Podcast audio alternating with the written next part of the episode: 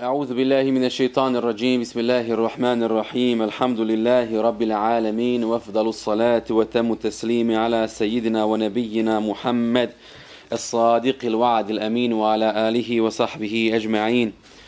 اللهم علمنا ما ينفعنا وانفعنا بما علمتنا وزدنا علما يا عليم. اللهم أرنا الحق حقا وارزقنا اتباعه وأرنا الباطل باطلا وارزقنا اجتنابه. وادخلنا برحمتك في عبادك الصالحين Zahvala pripada Allahu, gospodaru nebesa i zemlje koji nas je počastio da smo od onih robova njegovih koji se u džamijama sastaju. Molimo njega uzvišenog da naš dolazak na njemu najdraža mjesta na ovom svijetu bude znak njegove ljubavi prema nama. Salavat i selam našem poslaniku i miljeniku Muhammedu sallallahu alaihi wa sallam koji nas je naučio onom jednom važnom pravilu koje stalno ponavljamo ovdje kako bismo naučili na pravi način imati mjerila u svome životu, a to je da uzvišeni Allah daje dunjaluk i ljudima koje voli i ljudima koje ne voli, ali vjeru daje samo onima koje zavoli. Salavat i selam poslaniku u časnoj porodici, ashabima, našim šehidima i svim onima koji slijede istinu do sudnjega dana. Draga braćo i poštovane sestre, dragi prijatelji našeg tabačkog mešćida, mi nastavljamo sa čitanjem hadisa našeg poslanika Muhammeda sallallahu alaihi ve sellem u nijetu, u želji i namjeri da budemo od onih koji će makar dijelić tog svjetla uzeti na ovom prolaznom dunjaluku, unijeti ga u svoja srca i na taj način donijeti sebi dobro i dunjaluka i ahireta nikad ne treba da zaboravimo da je poslanik sallallahu alejhi ve sellem kazao najbliži meni na sudnjem danu biće oni koji imaju najljepši moral i najljepše ponašanje. I onoliko koliko se trudimo da svojim stilom, životnim ponašanjem ličimo na Muhammeda alejhi salatu ve selama u svojim relacijama prema gospodaru, prema ljudima, prema društvu, okolini, prema samome sebi, toliko smo zapravo sebe trasirali onim putem koji vodi do Allahovog zadovoljstva i do blizine sa poslanikom sallallahu alaihi wasallam na budućem svijetu. Svaki čovjek će biti sa onim koga voli, braćo i sestre. I zato dobro preispitajmo svoja srca koga volimo i ko je to nastanjeno u srcima našim. Vidjeli ste evo u zadnje vrijeme ove izazove na svjetskoj sceni, pozornici, gdje Allah nam daje neke išarete i znakove i podsjeća nas prije svega na svoje zakone, braćo i sestre. Jedan od temeljnih zakona ljudskog postojanja kojeg većina ljudi zaboravi jeste da smo mi prije svega prolazna kategorija. Svi smo mi prolazni na ovom svijetu. Kullu men alejha fan. Sve što je na zemlji će nestati. وَيَبْقَا yabqa رَبِّكَ ذُلْ جَلَالِ jalali wal ikram. A ostaće samo gospodar tvoj veličanstveni i plemeniti.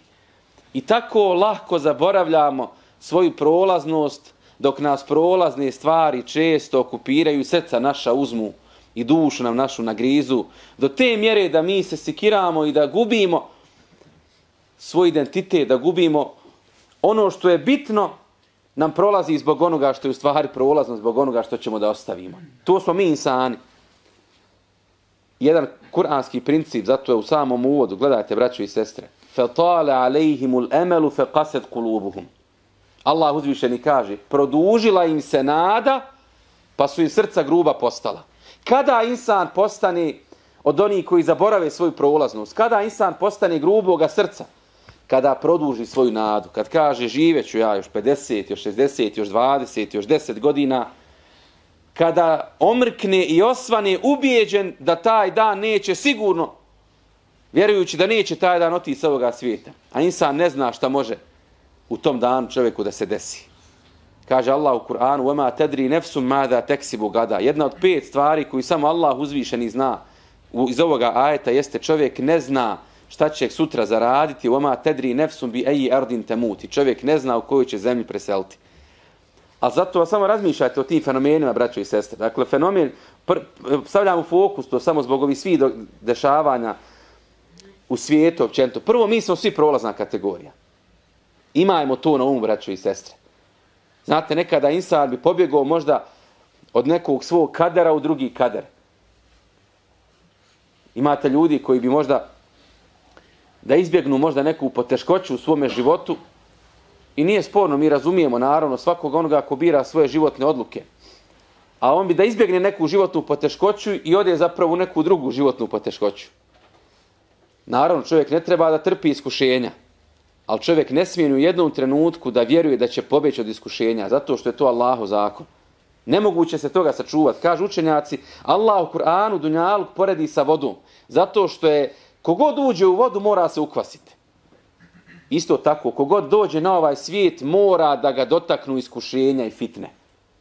To je Boži zakon. Dakle, nismo svi prolazni ovdje. I druga dimenzija iz ovih svih događaja, gledate, braći i sestre, jeste da borba između dobra i zla, između pravde i nepravde, između oholosti i poniznosti, bogatstva, siromaštva, borba između, borba između svih onih, onih pozitivnih vrijednosti i borba između svih oni negativnih stvari koje neko predstavlja kao da su neke vrijednosti, trajaće do sudnjeg dana. Uvijek će biti neki zulumčar u svakom gradu, u svakoj zemlji, na svakom dijelu svijeta. Uvijek će biti neki oholi bogataš, uvijek će biti neki oholi siroma, uvijek će biti neko ko će tebi na životnom putu da bude iskušenja, a ne samo blagodat. Uvijek će biti. Svaki čovjek će imati nekoga ko će mu iskušenje da bude. Uvijek će biti ljudi koji će smatrati, kao što Allah Kur'anu kaže, jahsebu enne malehu ahlede. Misle da će ih njihov, njihov imetak učiniti vječnim. Dakle, to je Boži zakon. Za vrijeme poslanika, sallallahu alaihi sallam, bila je borba između dobra i zla. Za vrijeme Adema alaihi sallama, gledajte, od početka stvaranja svijeta, Habil i Kabil, jednog Allah primio, drugog odbio. Do sudnjeg dana će biti tako. I ovo samo govorim da mi imamo, mi, mi nemamo, braću i sestre, izbor da govorimo, mi ne želimo borbu između dobra i zla. Mi ne želimo da to bude tako. Nemoguće da mi to promijenimo. Mi samo možemo da kažemo, naš izbor je da budemo na strani dobra. I onda kad to razumijemo, braćo i sestre, onda nas sve što se desi na ovom svijetu vrati zapravo na onu temeljnu, suštinsku misiju, zadatak zbog kojeg, zbog kojeg smo stvoreni, a to je da budemo namjesnici Božji na zemlji. U konačnici samo su dvije vrste ljudi. Onaj kojeg Allah primio onaj kojeg Allah odbio. Jedna skupina u džennet, jedna skupina u džehennem ide. Nema treće mogućnosti, nema treće vrste ljudi. I onda Allah nam daje iskušenja na lokalnom nivou i na globalnom nivou da bi mi sebi kazali ja želim da budem onaj bolji Ademov sin. Ja želim da budem ne zato što su drugi, ne zato što to neko će me zbog toga pohvaliti, nego zato što to Allah od mene traži. Pa čak i ako većina ljudi bira da bude poput Kabila, da uzmu od drugog, da ubiju drugoga, da zaštite samo sebe, da nanesu nekome nepravdu, to nama nije dovoljan argument da mi kažemo mi ćemo biti takvi, nego naša obaveza da mi budemo onaj bolji sin Ademov, da budemo poput Habila koji je kazao ako ti digneš ruku na mene, ja neću na tebe, u smislu da širimo dobro koliko možemo. Naravno, na tom putu i sam nije lako. Ovdje govorimo o cilju, o smislu, braćo i sestre, o prije što uđemo hadise, sad ti želim da poentiram. Čovjek koji nema smisa u svome životu, To je nauka dokazala. Čovjek koji nema smisla, braćo i sestre, mladići i djevojke, on će taj svoj nedostatak cilja i smisla nadomjestiti tako što će robovati svojim strastima. Jer pasite, ako ti imaš želju da taj dan proučiš nešto iz Kur'ana, da naučiš nešto iz Kur'ana, da uradiš neki projekat, da zaradiš neki novac, da naučiš nešto za svoj fakultet, da svoj neki zanat unaprijediš, da pomogneš nekog od ljudi, ti nećeš dopustiti da taj dan prođe da 10-15 sati uzalud izgubiš. Duša će tvoja da te, da te boli i iznutra će savjest da te kori zato što ti vrijeme prolazi, a nisi uradio ništa korisno. Dakle, ko su ljudi koji dangube, ko su ljudi koji lutaju, ne znaju šta hoće, oni koji nemaju cilja. I kako on to nadomjesti? A moraju da nadomjesti. Jer ljudska energija je, ima potrebu da se na neki način kanalša. Ako je ne kanalšeš prema dobru, ode ona prema zlu. Ako ne ide prema dobročinstvu, ode prema grijehu. Ako ne ide prema halalu, ode prema haramu. To je Allahov zakon. Ljudi bez cilja su oni ljudi koji svu tu svoju zapravo energiju koju imaju nisu ni svjesni, troše zapravo na besmislene neke strasti, na porive, u dangubu neku. Zato, braćo i sestre, mladići, djevojke, nam treba da preuzmemo odgovornost u svoje ruke. Stalno to ponavljam. To je, to je, to je zadat, generacijski zadatak da prestanemo govoriti kako neko ne valja. nego da mi budemo onakvi kakvi valja da budemo. To je izazov, braćo i sestra. To je najteže postići. Postavi cilj ispred sebe, fokusiraj se. Jer sreća nije odsustvo problema, nego sreća je sposobnost da prevazilaziš te probleme. Allah nas vremena na vrijeme podsjeća na ove stvari. I druga stvar, nedavno sam pročitao jednu interesantnu rečencu u jednoj knjizi od jednog autora kaže ne, nemaš ti stres i čovjek nema stres zato što radi previše stvari, nego zato što radi premalo stvari koje ga čine živim. I onda se sjeti kuranskog ajeta, subhanallah, gdje Allah kaže Ja ih ledina amenu steđibu lillahi wa lir rasuli idha da'akum lima juhikum. Gledajte, braćo i sestre, ne znam kako istinu da kaže neki moderni naučnik, pedagog, psiholog, sociolog, bilo koja branša i oblast. Istinu kad kaže, naučnu neku teoriju, a da to u stvari nije samo izvučeno kao jedan od Božih zakona koje nam Allah daje u Kur'an i Kerimu. Kaže uzvišeni, o vjernici, odazovte se Allahu i poslaniku kada vas pozovu onome što će vas živim učiniti. Nisi živ kad ti dani prolaze. Nisi živ dok hodaš na dvije noge. Nisi živ samo dok duša u tebi ima, dok srce u tebi kuca. Kada si živ? Živ si kad se odazoveš Allahu i poslaniku i kada živiš vrijednosti dobra i na najljepši mogući način trag za sebe ostavljaš. E taj život sa sadržajem, braćo i sestre, je ono što Allah od nas traži. Da ti sa sobom rasčistiš da kažeš ovo je moj cilj, moj zadatak. Želim, mogu i hoću ovo da uradim. Na ličnom planu. U svojoj porodci želim to da uradim. U svome društvu želim to da uradim. U svome kolektivu želim to da uradim. Koliko mogu? Ne duži nas Allah da promijenimo cijeli svijet. Ali nas Allah duži da ne dopustimo da oni negativni i loši u svijetu oko nas promijene nas.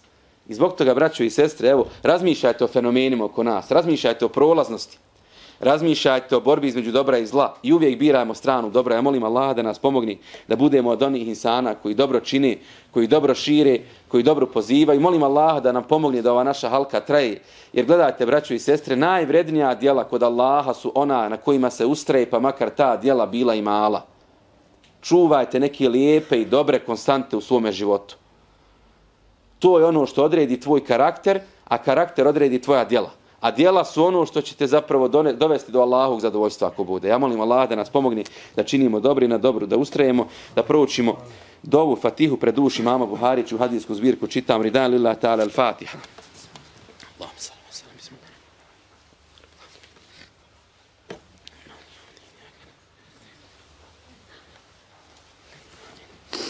Došli smo do 927. hadisa i dalje se nalazimo u knjizi koja govori o džuma namazu. Hadis glasi ovako, hadethena Ismail ibn Eban, kala hadethena ibn al-Ghasil. Kala hadethena Ikrimetu an ibn Abasin radijallahu anhuma kala. Pričao nam je Ismail ibn Eban i kazao da mu je pričao Ibn al-Ghasil, rekaoši da je njemu prenio i krime od Ibn Abbasa radijallahu anhuma koji je rekao. E, gledajte sad, braću i sestre, evo, ponavljam stalno ovdje. Spominjanje dobrih ljudi je lijek i milost. Spominjanje loših ljudi je bolest. I zato je najljepši mogući način da sačuvate svoj duhovni mir, da spominjemo Muhameda sallallahu alaihi ve sellem, da spominjemo čestite ljude, da govorimo djeci o uzorima, o primjerima, o moralnim vertikalama, a da što manje spominjemo ljude koji možda nisu za uzora, koji nisu za primjera i tako dalje. Nekad se stvarno nisam pita, pa zašto mi se dešava ovako, pa zašto mi je teško sjelo bilo, zašto mi je težak bio neki sastanak s nekim, neko druženje s nekim u stvari, možda smo spominjali ljude, a spominjanje ljudi je bolest. Jedan tako insan stalno Allaha spominjao, zikrio stalno gospodara svih svjetova. I onda kažu i neki oko njega, kažu mu, onaj, ovaj čovjek je poludio, gledajte šta radi, gledajte, stalno ka zikri. Samo Allaha spominju. Kaže, ne, ne, kaže, ovo je lijek protiv ludila. I subhanallah, to je jedan, jedan od zakona Božijih je da kaže poslanik alaih salatu wasalam, Allah neće uništiti ovaj narod i neće uništiti svijet, odnosno neće nastupiti smak svijeta, sve dok ima neko ko na zemlji govori Allah, Allah. I zato, braćo i sestre, ovo vas podsjećam. Dakle, mi čitamo ova imena da bismo sebi kazali udaljimo se od spominjanja ljudi. Pogotovo oni koji su negativni. A spomenimo dobre, čestite, plemenite insane, jer ćemo tako sebe da oplemenimo jedno važno pravilo, ne znam ko je autor citata, ali često smo ga svi citirali i čitali i znamo ga kao jedno životno pravilo. Puno puta sam ga ja spominjao i volim da to omladna naša ima na umu. Kad s nekim družite, upoznate nekoga, vidite način razmišljanja. Veliki ljudi govore o idejama. Prosječni ljudi govore o događajima, a mali ljudi govore o ljudima. I onda se sad prispitaš, što ako je stalno moja priča rekla, kazala, uradio to, uradila to, nije uradio to, nije uradila to. Ili ako je stalno neka priča šta se dešava u društvu, to je još uvijek znak da nemamo visoke ambicije. To je još uvijek znak da nismo se izdigli možda iznad onih poriva u sebi. Šta je zadatak? Šta je ideja? U redu, to sve postoji. Ljudi su takvi, događaji su takvi. Ali šta je ideja koju mi želimo da ljudi žive? Znam se da je Muhammed sallallahu alaihi sallam došao u Meku i da je kazao nakon što je objavu primio vi to što sada radite, to je širki, vi to ne treba da radite tako i to ne valja. On nije osuđivao ljude, suhano. Nego on je ljudima nudio najljepši sistem i način života. A to je tevhid, vjera u Allaha i usklađivanje svojih životnih navika sa onim što Allah od nas traži i što nam zabranjuje. Dakle, pojenta je, braćo i sestre, da nudiš sadržaj, a ne da samo govoriš da nema sadržaja. A da bi to mogli da ostvari, moramo da učimo, moramo da čitamo, moramo da sebe mijenjamo, da odgajamo. Neko iskustvo rada sa ljudima govori otprilike, gledajte, 95% ljudi dolazi da traži nešto. 5% ljudi daje nešto. Kad kažem daje, ne misli se na imetak samo. Veliko je kad danas neko dođe i kaže svome imamu, Efendija, da znaš, ja sam ti na raspolaganju. To je golemo, braćo i sestre. Jer većina ljudi to ne kaže. Veliko je kad neko dođe i kaže šta god mogu da pomognem, evo, znanjem, savjetom, dovom da pomognem, tu sam. Jer većina ljudi to ne nudi, većina ljudi traži nešto. Ja očekujem od onih koji sjede na koljenima, koji, koji uče i koji vole hadise poslanika, sallallahu alaihi sallam, očekujem da dajemo nešto društvu. Proces je to da se, da se izgradimo, ja znam to. Ali nećemo stalno čekati da dođe neki trenutak pa da mi nudimo nešto društvu. Nego moramo u sebe da akumuliramo znanje, imetak, energiju, vrijednosti neke pa da nešto možemo da nakon toga damo iza sebe. I zato vam ovdje postavljam kao evo, jedan izazov. Dakle, pogledajte o čemu vi raz, razmišljate i govorite, pogledajte o čemu pričaju i razmišljaju ljudi oko vas. Naravno da nije svako podjednako kreativan i nije svako od onih koji imaju ideje. Nekom Allah dadne talenat. Ali vjerujte da to je često samo opravdanje za možda našu ljenost. Znate, a njemu kaže Bog dao, njegova startna pozicija je bolja bila. A primijećete da su uglavnom najbolji učenici, studenti, uglavnom oni koji su najtežu startnu poziciju imali. Uglavnom je tako. I zato, braćo i sestre, to, to nam je potrebno u današnjem vremenu kad jačamo svoju domovinu, kad jačamo svoje društvo, kad gradimo generaciju koja treba da ponese teret za 10-20 godina. Većina vas će nositi teret neki na lokalnom, na, na nekom državnom nivou. Na ovaj ili onaj način. Kroz obaveze emanete koje ima. U najmanju ruku. Po, kroz porodicu koju, koju će Allah Đelšanuhu većini nas dati kao blagodati, kao iskušenje i kao obavezu da budemo odgovorni prema njima i kao, kao nasljeđe koje treba da ostavimo za sebe. I ovdje, dakle, spominjemo imena ovih plemeniti ashaba, tabina, je samo o svako od njih je škola na svoj način i svako od njih ima priču za sebe. Ali samo da spomenemo ovdje, Ibnul Gasil, sin od El Gasil. Ko je Gasil? To je Hanzale, jedan od ashaba Muhammeda sallallahu alaihi wa sallam. Prenosi verodostojno. Kad se oženio i kada je dočkao da se oženi, kada je doživio prvu bračnu noć, kaže, ni sabah nije svanuo glasnike, pozvao, ide se u borbu na Allahovom putu. Džihad, poziv za džihadom.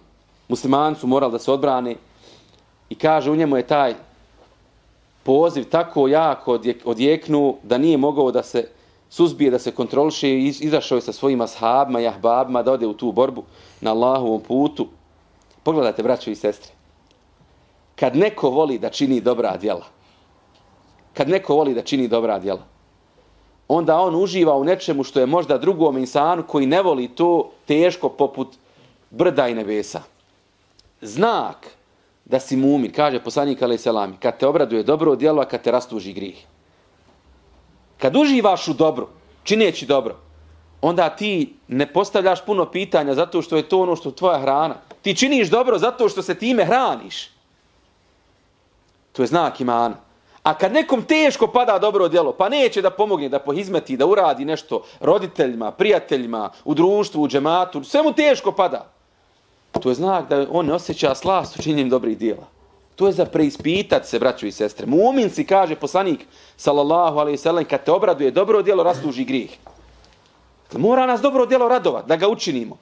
Iako nekad nije lahko. Hanzala osjeti slast u borbi na Allahovom putu, subhanallah. I odlazi u džihad i u toj borbi je preselio. Kako je brzo izašao, kako je, kako je bio u stanju kojem je bio stanju džunupluka. Dakle, nije se okupao nakon što je bio intiman sa svojom suprugom.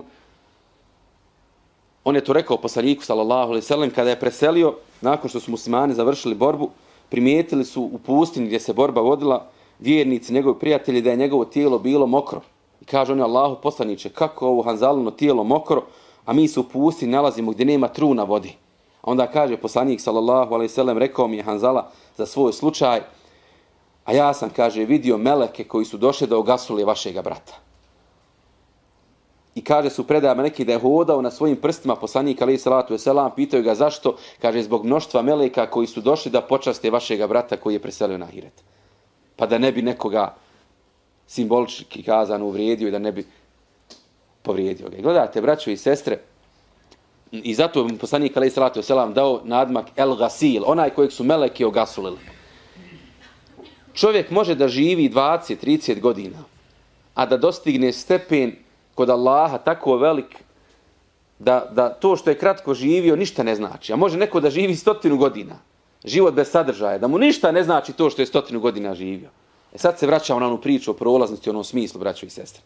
Mlad čovjek čisto kaže ima vremena, pa počeću klanjati kasnije, pa ja ću kasnije da uradim neko dobro djelo, pa ću ja nakon nekog vremena da ostavim neko dobro iza sebe. Ma mogu ja to sve da odgodim za neko drugo vrijeme.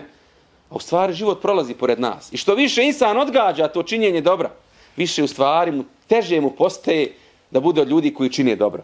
U svakom slučaju, i od ovih ashaba puno toga možemo da naučimo, pa se prenosi od Abdullah ibn Abbas radijallahu anhu da je kazao Sa'iden nebiju sallallahu alaihi wasallam el mimbere. Poslanik sallallahu alaihi wasallam se popeo na mimberu. وَكَانَ آخِرَ مَجْلِسٍ جَلَسَهُ.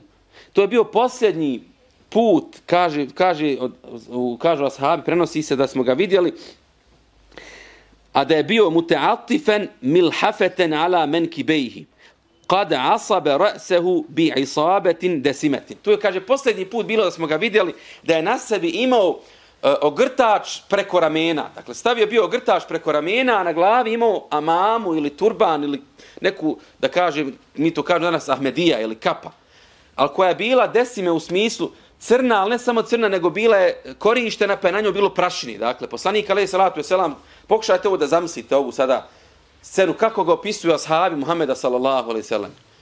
E sad je ovdje pitanje, zašto oni opisuju ovako Allahog poslanika alaih salatu je selam? Ovo je pitanje, zašto, zašto Zašto ovako govori? Ko govori o detaljima, braćo i sestre? Pa onaj ko voli onaj ko voli govori o detaljima. Jutro slušam slijedom neke okolnosti sa nekim insanima bio, pa su sinoć gledali utakmicu Lige prvaka, sve detalje znaju. I akciju, i poništen go, i hetrik, i offside, sve znaju detalje. Ti vidiš da je srce on to gledao, razumijete? Unio se, do, unio se. Ko da je komentar su, dakle on ima takvu, pri, takvu ima sliku. Sve highlights zna prelazi čita utakmicu. Pa nije to zabranjeno, da se razumijem, nije sporno. I neka, insan treba da pogleda, i ja ponekad pogledam normalno, nije to zabranjeno, treba insan da pogleda se odmori od dunjaloške obaveza, nije haram. Ali je problem ako se insan više unese utakmicu, a ne unese se u hadis Muhameda sallallahu alaihi sallam. Ne jednom, nego da mu je to stil života. E, to je problem već. Problem ako se insan više unese u neku zabavu sa prijateljima, nego što se unese u potrebe svoje porodici. Jer mu je to farz, ovo mu nije farz. Treba čuvati prijateljstvo. Ali ovo ćete Allah prvo pitat. I svaka druga relacija, ko govori o detaljima? Onaj ko voli. Ashabi vole poslanika, sallallahu alaihi ve sellem. I zato vas molim, braćo i sestre, mi moramo prije svega srčanu, emotivnu vezu sa, sa, sa našim pejgamberom, sallallahu alaihi ve sellem, da ojačamo ne samo u formalnu, službenu, dakle, poslanik jeste, učimo salavate i, i slijedimo ga, nego volimo ga zaista. Jer kad, kad ljubav prema pejgamberu uđe u naša srca, Šta to postaje? To postaje poput vatre koja sagorijeva mahane u čovjekovoj duši.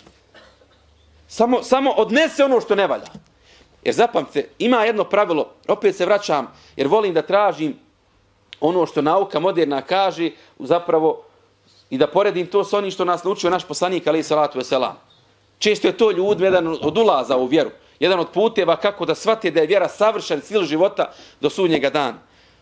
Kažu opet neki naučnici koji se bave sociologijom, psihologijom, kažu ovako da čovjek koji sebe ne izliječi, ne zaliječi, ne odgoji, ne preodgoji, činit će štetu i nanosit će rane i krv drugim ljudima oko sebe koji ništa nisu zgriješila. Jel razumijete? To je situacija kada učenici imaju nastavnika ili profesora, studenti imaju profesora i on je nervozan zbog svojih problema i to se sada manifestira preko njegovih učenika.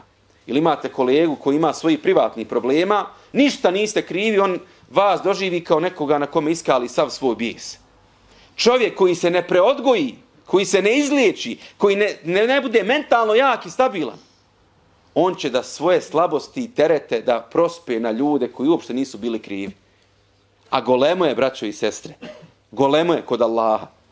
Nekome hak uzeti, nekoga uvrijediti, povrijediti, osjećaja njegove ugroziti, Golemo je to kod Allaha. Znate za hadise ko je bankrot, pa poslanik alaih salatu je selam kaže da je bankrot onaj ko će doći na sudnji dan, imao i namaz, i post, i zekat, i hađ, ali ovoga ogovorio, ovoga ovrijedio, ovoga potvorio, ovoga opsova, ovo me uzeo ovaj hak, ovo me uzeo onaj hak.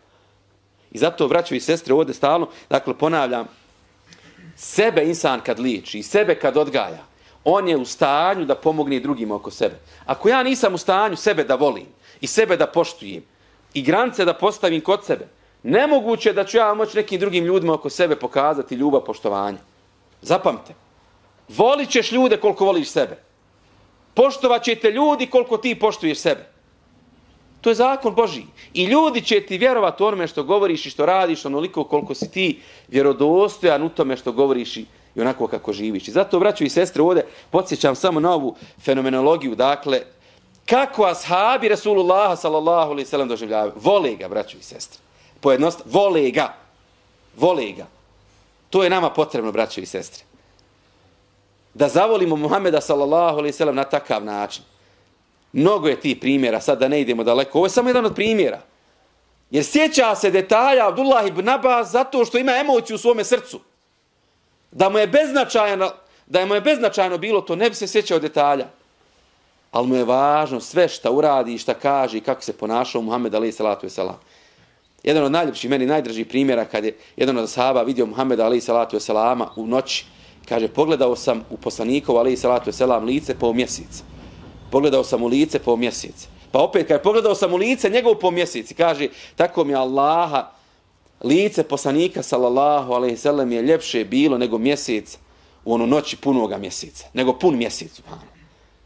Pazite, to samo može srce koje voli, braćo i sestre. I svi drugi primjeri od toga kako je izgledao, kako je bilo njegov fizički izgled, njegovo ponašanje, njegov odjeća, odjevanje, stil, način e, komunikacije, rada sa ljudima i sve ostalo što imamo u knjigama koje se zovu Šemail, a to su osobine vrline poslanika Muhammeda alaih salatu wasalam. Ovo samo neka bude mali podstrek i podsjetnik da ojačamo ljubav prema poslaniku alaih salatu wasalam. I onda kaže se dalje, nakon što vidimo tu scenu, one nam im beri sa ogrtačem na ramenima, i sa amamom, sa kapom na svojoj glavi, fa اللَّهَ wa athna alayhi thumma qala. Kaže pa je zahvalio se Allahu, pohvalio gospodara, thumma qala pa je rekao: "Ejuhan النَّاسُ ilayya." Subhanallah. Gledajte ove škole Muhammed ali salatu selam. Kaže: "O ljudi, priđite mene. Šefovi govori uradite tako i tako. A šta kažu lideri? Uradimo tako i tako. Je li tako? Dakle, šef gazda naređuje, lider inspiriši.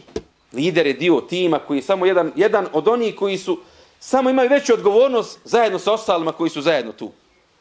I koliko nam je to potrebno, braćo i sestre, da imamo to u svojim kućama, u svojim radnim, svojim radnim mjestima, u komunikaciji s kolegama, dakle, da budemo odgojeni Muhammedom, ali i salam. Kaže on ljudima, nije rekao sklonite se tamo pa nešto da vam kažem, nego priđite da vam nešto kažem. Zato što mi je bitno da vam prenesem nešto. Zato što ste mi važni. Zato što je ova poruka koju ću da vam kažem važna i bitna. Pa da bolje čujete, da bolje razumijete. Danas sam je, braćo i sestre, tako bitno i tako nam je potrebno da se približimo jedni drugima. Mi slušamo možda jedne druge pitanje, da li čujemo jedni drugi. Umjetnost slušanja i umjetnost da čuješ drugoga je nešto što je danas skoro potpuno zanemareno. Većina ljudi samo čuje svoj glas. Većina ljudi samo vidi svoju potrebu. Većina ljudi samo očekuje da se, da se njemu neko približi, a ne da on se približi drugima. Poslanik Ali Salatu Veselam gledate, kaže, priđite vi meni, zato što želim da vam nešto važno kažem. Fethabu ilaihi, pa su mu naravno prišli. Thumme kale emma badu. Pa je nakon toga rekao emma badu. Ovo emma badu, već nekoliko halki spominjemo, to je ona fraza u hudbama koja se koristi, koja ima značenje, dakle, a potom, nakon toga. I ovo je ono što razdvaja uvodni govor zahvalu Allahu od onoga što je poruka hudbe ili nekog predavanja. To je sunnet Muhammed alaih salatu wasalama. Opet napomena ovdje. Nikada Muhammed alaih salatu wasalam nije počinjao svoj govor, a da to nije bilo sa zahvalom Allahu Đelešanu. Braćo i sestre, prva riječ u Kur'anu je Alhamdulillahi. Hudbu svaku Muhammed alaih salatu wasalam, svako predavanje počinje sa inna alhamdulillahi, alhamdulillahi. Da bi nas naučio uzvišeni gospodar kroz Kur'an i Muhammed alaihi salatu wasalam kroz svoj sunnet, da je nemoguće bilo kakav proces pokrenuti, ući, realizirati, kazati, iznijeti, a da srce nije zahvalno Allahu Đelešanu.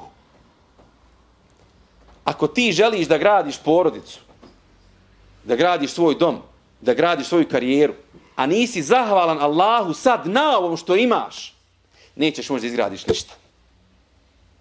Budi zahvalan na onom u čemu si sada. Ne žali se na Allaha, a onda rukama svojim, nogama svojim radi da imaš još više. Ali sad ono u čemu sam hvala Allahu na svakome stanju. Ali nemoj da mislite da ćete nešto promijeniti u svome životu, u smislu posla, karijere, ljudi oko vas, i da ćete onda nakon toga biti zahvalni, a sad niste zahvalni. Neće stanje u tvome srcu promijeniti okolnosti izvan tebe, nego će stanje u tvome srcu promijeniti svijest o Allahu, zahvalnost na onome u čemu smo sada. To je, braćo i sestre, ibret. To je važno.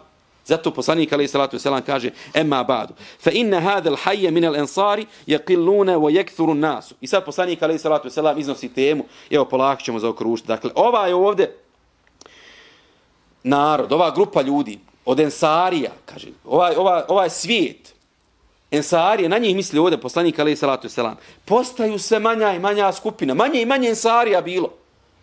Da su Ensarije kao Medinelije pomogli ashabe iz Mekke, ali kako se, kako se širila muslimanska država i muslimanska zajednica, oni su postali na neki način manjina. Čak se u nekim hadisma spominje da će se ensarije brojčano smanjiti biti poput mrvica soli u jelu.